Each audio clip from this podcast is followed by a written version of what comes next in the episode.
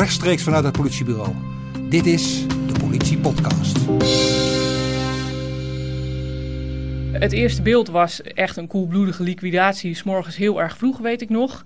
In Almere, vlak voor de woning van deze meneer. Hij was net uh, zijn woning uitgegaan, in zijn bus gestapt om naar zijn werk te gaan. En toen is hij in koele bloeden neergeschoten.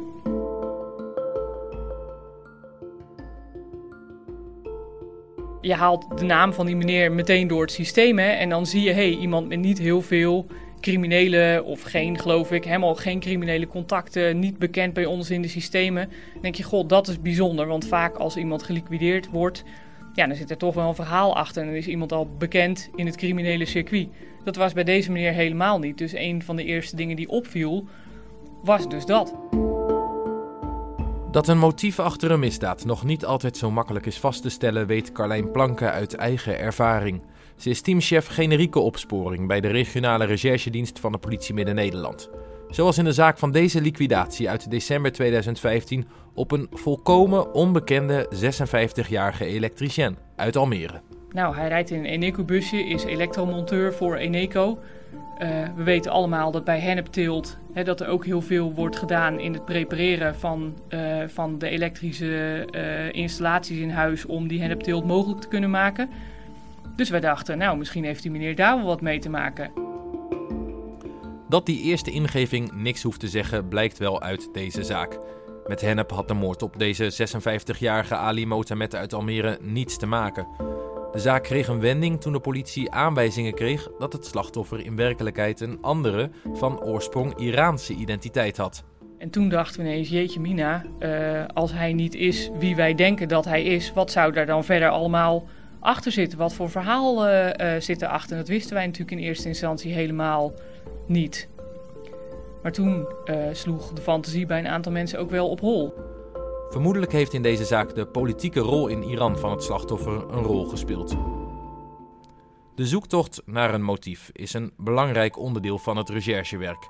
Het kan van invloed zijn op de strafmaat. Het is onderdeel van de bewijsvoering en met name voor nabestaanden is het van groot belang dat er antwoord komt op de vraag waarom. Mijn naam is Martin de Wit. Dit is de Politiepodcast. Waarom is essentieel om erachter te komen wat de drijfveren van een persoon zijn geweest en in welke toestand een persoon, een verdachte, uh, tot zijn daden is gekomen. Uh, dat is een maatschappelijk vraagstuk, superbelangrijk voor de maatschappij, dat zie je nu ook. Maar dat is ook voor de rechtsgang superbelangrijk. Ronald Rijneveld is teamchef van de afdeling Analyse en Onderzoek bij de politie Midden-Nederland. Zijn team houdt zich bezig met het in kaart brengen van alle beschikbare informatie in een onderzoek. Hij heeft daardoor overzicht over alle informatieblokjes die samen uiteindelijk ook moeten leiden tot de vaststelling van een motief. We willen kijken in de historie van een persoon. Hoe is een persoon, hoe staat hij in het leven? Um, wat heeft hij meegemaakt in zijn leven? Want wat je hebt meegemaakt bepaalt je als mens ook. Uh, maar we willen ook kijken naar de, de uh, meest recente gebeurtenissen. Zijn er conflicten geweest in je relationele omgeving? Is je iets overkomen op het werk waardoor je getriggerd wordt om iets te doen? Dus we willen zowel de historie als de actualiteit van het leven van een persoon goed kunnen beschouwen... om een goed oordeel te kunnen vellen daarover. Carlijn Planken gaat als teamchef generieke opsporing over de aanpak van het onderzoek. En elke informatie is bij aanvang van een onderzoek van belang. Wij beginnen altijd heel erg breed met onderzoek. En uh, je krijgt dan dus ook heel erg veel informatie binnen. En dan moet je bijvoorbeeld denken aan, uh, nou, als ik refereer aan de recente aanslagen in Utrecht. Uh, als voorbeeld, hè, je krijgt natuurlijk een heleboel mensen die gaan ons bellen met informatie, omdat ze iets gezien hebben of iets gehoord hebben. Uh, er zijn ook camerabeelden uh, die mensen uploaden. Mensen maken ook zelf soms filmpjes op straat of foto's van dingen. Dus ten eerste heb je al verklaringen van mensen, dingen die mensen ons vertellen, al dan niet omdat ze het zelf gezien hebben. Er zijn allerlei ehm, beelden dus die we binnenkrijgen. Maar daarnaast doen wij, hè, dat is geen geheim, we doen ook best wel heel veel huiszoekingen. Nou, daar kan je van alles vinden wat, uh, wat relevant is. Ik noem maar, er liggen bijvoorbeeld drie USB-sticks. Ja, wat staat daarop? Staan dat, zijn dat gezellige vakantiefoto's en de speech die iemand heeft gehouden bij uh, het pensioen uh, van zijn vader? Of staan er misschien wel hele andere dingen op die USB-sticks? Ehm, op computers, telefoons halen we natuurlijk, daar halen we natuurlijk ook heel erg veel informatie van af over personen. Maar we kijken ook ehm, bijvoorbeeld met ANPR-camera's kunnen we gegevens over opvragen welke mensen zijn allemaal in de buurt van een plaatsdelict geweest. Of welke mensen zijn in de buurt van de woning van een verdachte uh, geweest. Nou, dit zijn zomaar een aantal, een aantal hè, want er zijn nog veel meer, maar dat zijn zomaar een aantal voorbeelden van allerlei stukjes informatie die wij binnenkrijgen. En dan moet je eraan denken dat nou, bijvoorbeeld bij de aanslag in Utrecht al meer dan 800 tips uh, in de vorm van beelden en van verklaringen zijn, zijn binnengekomen. Dat is een, eh, los nog van wat we zelf verzameld hebben. Dus als je optelt hoeveel stukjes informatie wij krijgen, dat is echt gigantisch. En we beginnen dus altijd met heel breed kijken.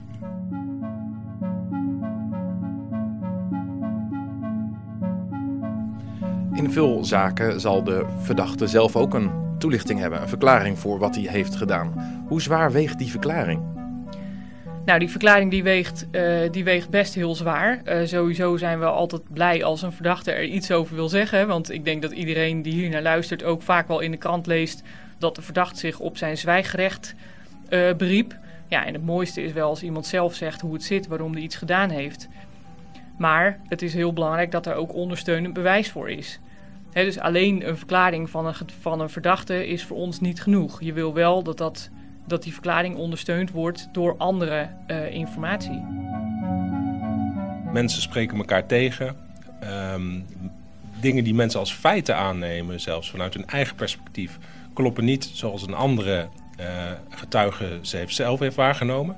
Dus het zijn allemaal stukjes informatie die we bij elkaar moeten gaan brengen om te kijken wat is, is nu valide, wat kunnen we bevestigen. En als je eenmaal dat naar je toe begint te halen, dan zie je op een gegeven moment wel patroon ontstaan. En dan kun je zeggen van ja, weet je, dit zien we zo vaak terugkomen. Dit zal wel een onderdeel zijn van de waarheidsvinding, waar we natuurlijk eigenlijk uiteindelijk mee bezig zijn met waarheidsvinding. Dus uh, aan het begin is het echt een hele brede oriëntatie, ook vanuit de informatieorganisatie, op die informatie. En Carlijn zegt het, haal zoveel mogelijk binnen, dat willen wij ook. En wij moeten gaan ontdekken, wat is nu valide en welke duiding, welke betekenis geven we aan die informatie. Dat is onze rol.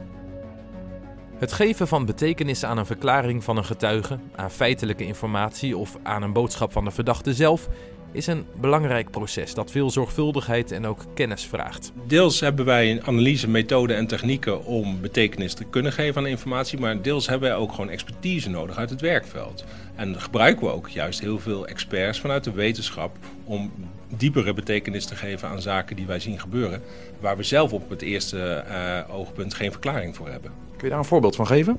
Ja, gedragsdeskundige is een heel uh, belangrijke expertise voor, voor, ons die we vaak gebruiken. Die hebben we intern, maar als het echt heel complex wordt met uh, complexe casuïstiek, dan vragen we ook experts vanuit het werkveld.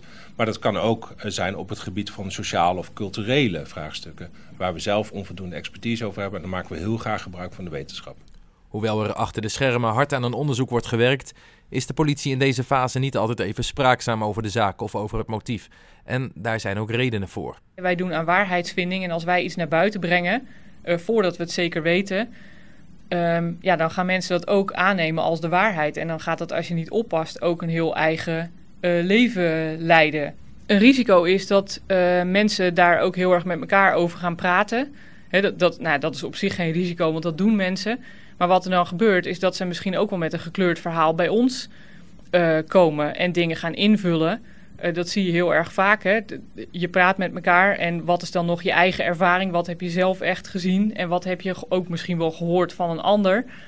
Um, en wij willen natuurlijk graag zo, zo uh, neutrale, objectief mogelijke verhalen uit de eerste hand van mensen. Dus als wij al heel erg snel dingen naar buiten gaan brengen en mensen praten daar heel erg veel met elkaar over, ja, dan krijgen wij misschien ook niet meer het verhaal zoals zij het in eerste instantie persoonlijk echt gezien of beleefd uh, hebben.